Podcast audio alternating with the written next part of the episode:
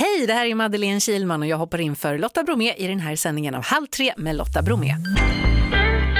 I dagarna, fast framförallt idag, arrangeras skoljoggen runt om i landet. Över 1300 skolor och mer än 300 000 deltagare har anmält sig.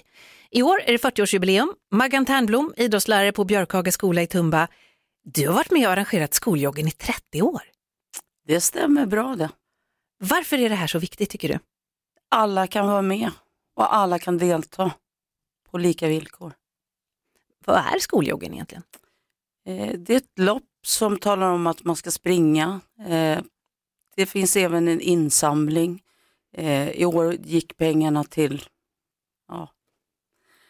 Men det viktiga är att vi rör på oss och på min skola har vi jobbat jättemycket med att alla ska kunna röra sig samtidigt oavsett om man är sexåring eller nio, årskurs nio.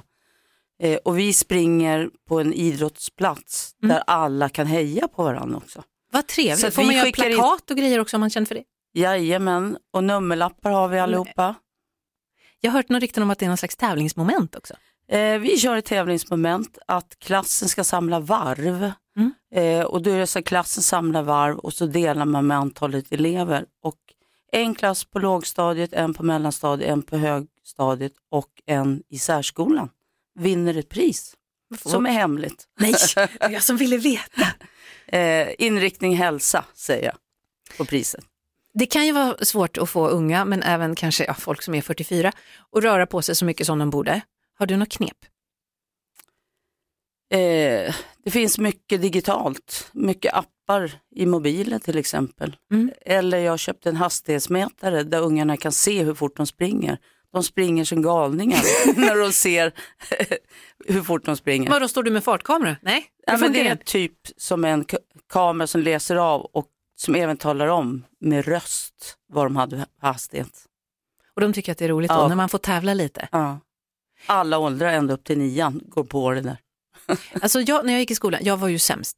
Jag blev vald sist och jag var långsammast i hela skolan på 60 meter.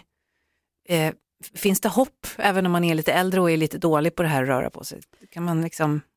Alltså dagens idrott handlar mm. inte så mycket om att mäta saker utan handlar jättemycket om att alla ska kunna vara med och förstå framtiden. Hur rör jag på mig för att må bra? Ah, så att röra sig är liksom det viktigaste, inte att man kan göra en korrekt kullerbytta?